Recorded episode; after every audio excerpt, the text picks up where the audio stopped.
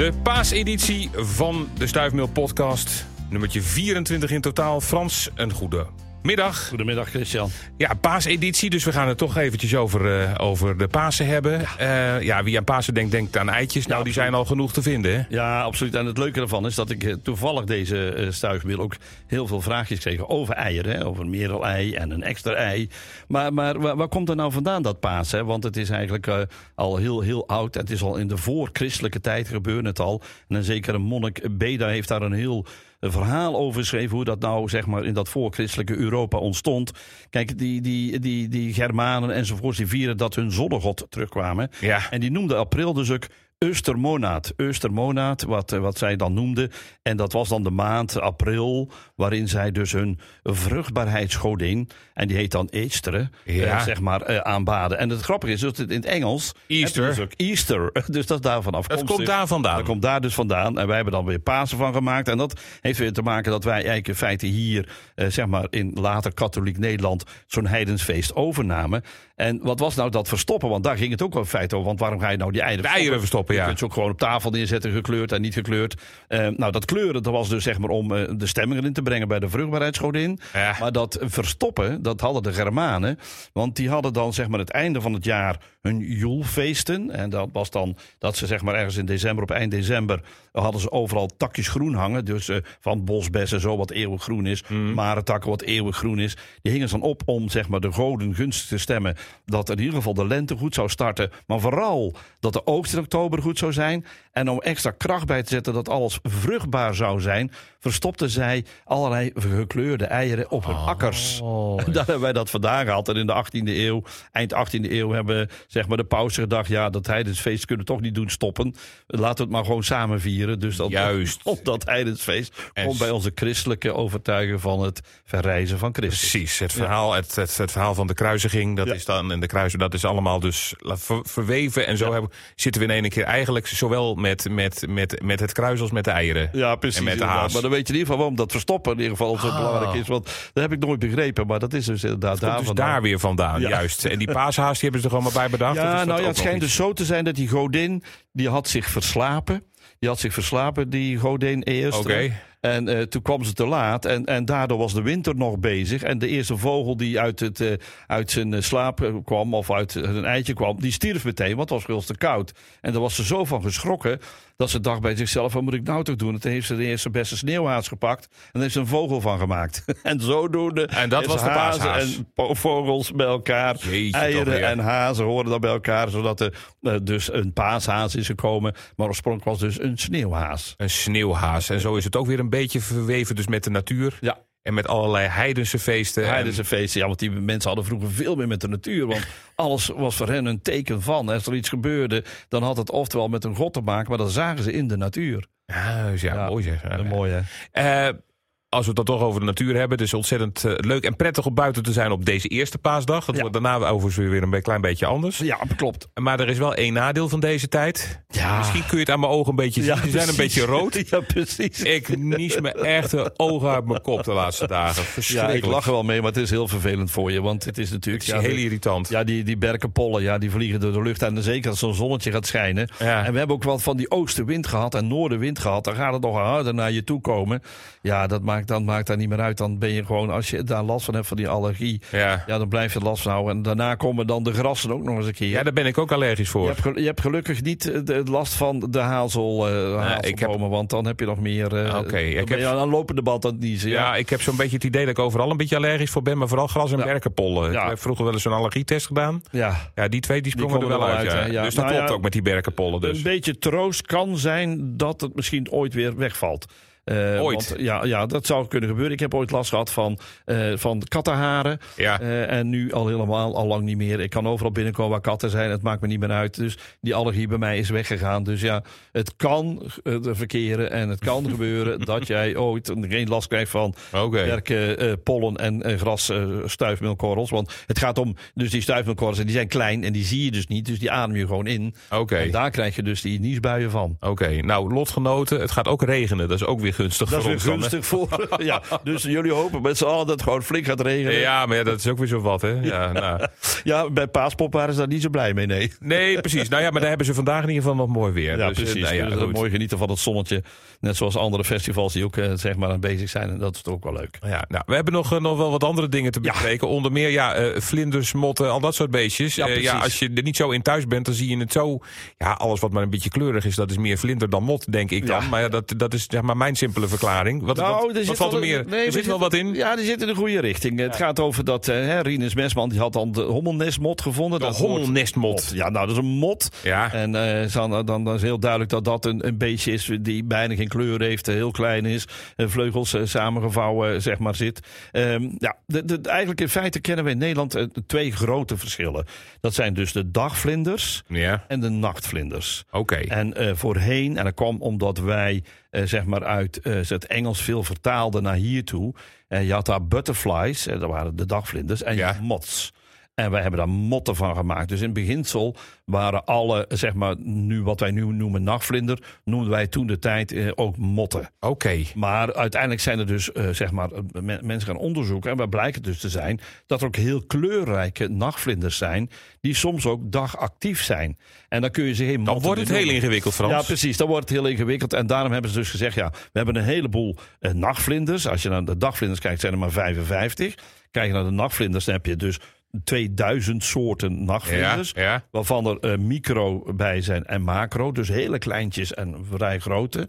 Nou, en eh, wat, zijn nu dus, wat er nu gedaan is dat dus de, de dieren, hè, de vlinders die nachtvlinder zijn, maar ook dagactief zijn, die kleurrijk zijn, die noemen ze dan gewoon nachtvlinders. En dan zijn de anderen, die hebben dus achter hun naam mot staan. En dat had je dus bij die hommelnestmot, had, had, had je dat. Maar je hebt ook eh, een kleine wasmot. Nou, dan heb je dus heel veel meer soorten.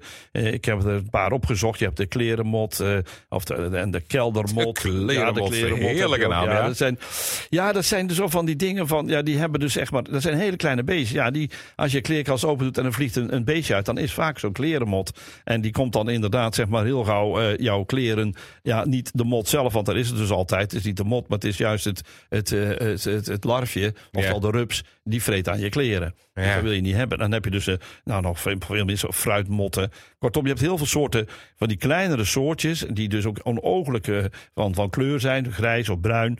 Die heten, hebben dan vaak het woord mot achter zich staan. En die andere hebben dan zeg maar toch maar gewoon het woord nachtvlinder. Ah, en dus nou, om het simpel te maken hebben ze gezegd... we hebben dagvlinders en nachtvlinders. Mhm. En onder die nachtvlinders zitten bepaalde soorten bij... die we dan motten noemen. En dan komen we weer terug op wat ik net heb beschreven. Kleinere soortjes, bijna niet van kleur. En soms heel lastig voor de mens, omdat die dus zeg maar eh, ja, aanvallend zijn op wat wij hebben aan producten. Kleren, fruit, was, noem maar op. Ja, ja. Nou heb ik thuis altijd geleerd, als er een mot zat, die mocht ik kapot slaan. Ja, Maar oh wee, als ik een vlinder, eh, want dat is zonde. ja dat is zeker zonde. Ja, tuurlijk, weet, Ja. dat snap ik wel, vanwege van dat het mooie dieren zijn. Maar hoe kijk jij daar als, als, als liefhebber Nou, en, en beschermer van al het leven eh, naar? Ni- ni- niks kapot slaan, gewoon eh, loslaten enzovoort, zeg ik dan. Want Ja, loslaten. uiteindelijk, ja, kijk, zo'n klerenmot ook, hè. Ja. Het is, ja, weet je wat het is? Als jij eh, bijvoorbeeld bepaalde eh, zeg maar kleren lang niet gebruikt, want daar gaat het even over, Ja. dan kan zo'n dier erin nestelen. Maar als jij constant eh, je kleren gebruikt, dan is daar niks aan de hand, want dan komt er zo'n mot ook niet in. Nee. Want die kan, die kan er ook niet zijn weg vinden, want dan is het er weg en dan weer terug en dan weer weg. Dus dat, dat. Meelmotten is wat anders, hè, want, maar ook daar kun je tegen wapenen door alles gewoon hermetisch af te sluiten. Als je meel hebt, laat dat niet open, open liggen, want dan krijg je zo'n meelmot op bezoek. Eh, de buxusmot, dat is een, de nieuwe, eh, nieuwe mot die eh, sinds een aantal jaren ons land binnen is gekomen. Ja, nu, nu hebben we er steeds minder last van, omdat heel veel dieren hem op durven te eten. En eerst hadden we dus heel veel last. Alle mooie buxusperkjes en mooie gevormde vogeltjes en, en, en en, en paddenstoelen en weet ik veel van buxus. Die werden allemaal opgevreten, maar nu niet meer, omdat dus die buxusmot door een heleboel dieren wordt aangepakt. Dus het is ook maar een tijdelijk iets. Het ligt vooral aan de, zeg maar de slechte situatie waarin iets verkeert. Eh, of wanneer zeg maar, een bepaalde populatie ons land binnenkomt en geen natuurlijke vijand heeft. Want dat is bij die laatste, Ja. de buxusmot zo. En het mooie ervan is, al die kleuren, die zijn zo fantastisch. Want ja, die vleugels eh, van die, van die, van die vlinders heten, want dat hebben ze allemaal. Ze heten dus schubvleugeligen. En dan komt het op hun, op hun, ja, zeg maar, hun vleugels zitten schubben. Ja. En die zorgen voor die kleuren allemaal. Ja, dat is fantastisch. Dus een, een tip als mensen een vlinder in huis hebben. Pak hem niet beet bij de vleugels, maar probeer hem in een potje te vangen en laat hem dan naar buiten toe. Want op het moment dat jij zo'n vlinder bij zo'n vleugels pakt, dan haal je zo'n schub kapot. En dat is niet zo Oh. best voor de vlinder. Dan redt hij het niet buiten. Nee, dan heeft hij het toch wel heel moeilijk mee, ja. Ja, dus eh, inderdaad. Vlinders sowieso dus niet. eh, Maar een mot als mensen, want mensen slaan ze niet alleen voor de dieren of voor, de, voor, voor, voordat ze in de kleren komen. Gewoon omdat het lelijke beestjes zijn. Ja, nou ja. meestal. eh, Het zijn- ja, je kunt, feit- feitelijk kun je dat wel vertalen als je zegt de, de, de, lelijke nachtvlinders. ja, dat zijn vaak dat de zijn de motjes, maar goed. Van Frans, liever niet kapot slaan. Nee, gewoon liever probeer ze gewoon buiten te zetten. Hè, op allerlei manieren. Maar liefst met een potje of met een, een blikje of weet ik veel wat. Dat ze in ieder geval of de ramen open doen. Dat helpt altijd. Hè, want heel veel dieren komen per ongeluk soms in je huis. Ja. En dan is het, eh, zoeken ze een uitweg. Ja, die kunnen ze dan niet direct vinden. Zet je nou een raam open. En zeker als je tegenover elkaar ramen open zet, dan krijg je een tocht. En dan weten die dieren de weg wel te vinden om naar buiten te gaan. En daar hebben ze dus zeg maar, hun leven verder. eh, waar ze mee verder kunnen leven. Want het is ook maar kort, hè? Meestal leeft een vlinder maar één maand. Ja. Eh, En er zijn er wel soorten bij die overwinteren. Dat is dan een hele speciale groep. Dat is de groep van de schoenlappers. Waaronder de dagpauw ook bij eh, zit. ja, dat is een bekende naam. Ja. Nou, precies. En ook eh, zeg maar de Gacca Aurelia hoort erbij. En de, eh, de Atalanta. Dat zijn allemaal de schoenlappervlinders, zo noemen ze dat. En die kunnen dus overwinteren. tenminste, de laatste generatie, die het laatst uit de ei komt. Die overwinteren in schuurtjes en ruimtes waar dus zeg maar geen regen en wind bij kan komen. Ehm, daar zitten die dan. Dus dat zijn weer aparte soorten die wel langer leven. En de naam schoenlapper is ook wel natuurlijk heel erg mooi. Want ik weet niet of je er stil hebt gestaan wat dat dan betekent. Want schoenlapper, ja. dat doet weer terugdenken aan de mens. Want de mens vroeger hè, was er niet zoveel centjes om uit te geven. En schoenen waren toen best wel duur. En wat deden de mensen dan? Als er een gaatje in een schoen kwam, dan namen ze een of ander stukje leer. En dat plakten ze op hun schoen.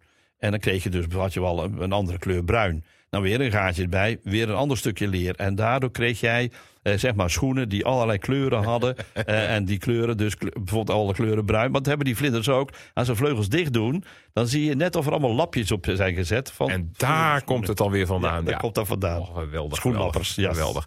ja. Eh, we- je hebt eh, eh, nog één diertje wat je nog even wilde bespreken Ja, deze want dat is heel erg leuk. Eh ding is, ehm, even kijken, Guy van den Bossen. Dinges. Ja. Dinges van Ja, de Bossen. Heb geen antwoord met dinges, maar Ja. sorry. Guy Ja.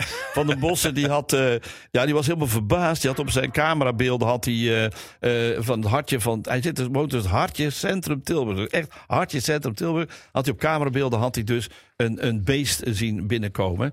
En hij vroeg zich af, en eh, hij heeft mij dan gemaild, van wat is dat nou? Een filmpje heeft hij gestuurd, ik kon het meteen zien. Was een marterachtige. Nou, ik, volgens mij is het ook een steenmarter, omdat het verschil tussen steen en boommarters is dat, nou die lijken heel erg veel op elkaar, hebben ongeveer hetzelfde voedsel, kunnen allebei heel goed klimmen.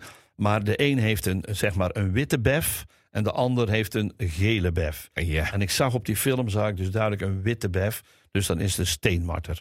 En als hij nog beter gefilmd was, dan had hij dus ook kunnen zien dat die witte bef een beetje doorloopt naar de voorste pootjes. En dat het lijkt alsof hij een soort hemdje aan heeft. En dan weet je het helemaal zeker dat het dus zeg maar een steenmarter is. Want eh, de boommarter heeft dat dus niet. Die heeft een gele bef. Die houdt eigenlijk net op voor de poot te beginnen. Maar er zijn meer eh, eh, zeg maar eh, marterachtigen in ons land. Dat vergeten mensen vaak, want we hebben nou een steenmarter en een boommarter gehad. We hebben ook de bunzing, we hebben de das, de otter, de wezel en de hermelijn. En vooral die laatste twee plus die bunzing, en hermelijn, daar wil ik het even over hebben, want daar gaat het heel erg slecht mee. Het echt enorm slecht met deze diertjes. Voorheen werden ze aanbeden door de boeren, omdat ze juist allemaal eh, ratten en muizen wegvingen. Maar er is de kat voor in de plaats gekomen. En dus heeft de bunzing, de hermelijn en de wezel plaats moeten maken eh, voor dat beestje. Eh, daarbij, ons, ons landschap is niet meer zoals het hoort te zijn. in het agrarisch gebied is niet meer verrommeld. Allemaal netjes aangeharkt en noem maar op. De oude mutsert, waar veel mensen eh, die naar willen luisteren, die kennen dat. De oude mutsert is een, een opeenstapeling van eh, ja, zeg maar, takken en van struiken en zo. Die voorheen werden gebruikt in de bakoven. Hè, die werden dan in de bakoven geschoven. Er werd een brand ingestoken. En werd naar waren die stenen dan hartstikke heet. En dan werd het eruit gehaald en dan legde je brood erop. Dan kwam het brood gebakken werd door die tegels of stenen. Nou, die mutsers die zijn er niet meer, waar dus zeg maar die beesten onder zaten. Het is allemaal netjes en clean, heel veel bestraat. Dus niet de stukjes open. Nou, dat betekent dat deze dieren, die echt in dat gebiedje thuis horen, ja, die hebben het heel moeilijk gekregen. En sterker nog, ook in onze buurlanden gaat het heel slecht met hermelijn, wezel en, en, en bunzing. En dat vind ik toch wel jammer, want er waren toch diersoorten die ons landschap versierden. En die thuis horen bij toch een uniek stukje overgang tussen het stedelijk gebied en het natuurgebied. Want daar zaten zij tussenin. En daar hoorden zij ook heel typisch bij thuis, net zoals de steenuil, ook een diertje wat heel moeilijk mee gaat. En een egel, waar het ook heel moeilijk mee gaat. Dus die dieren van dat stukje landschap, die kwaliteit die dat landschap had, dat is dus aan het verdwijnen. En ja, als je nou kijkt waar ze nu, eh, zeg maar af en toe nog zitten. Ja, ze kruipen een beetje naar de bossen toe. Hermelijnen kan je af en toe vinden bij wat vochtige plekken. Uh, heel makkelijk herkenbaar het beestje. Een beetje bruin, heel slank uh, en rol rond zeggen we.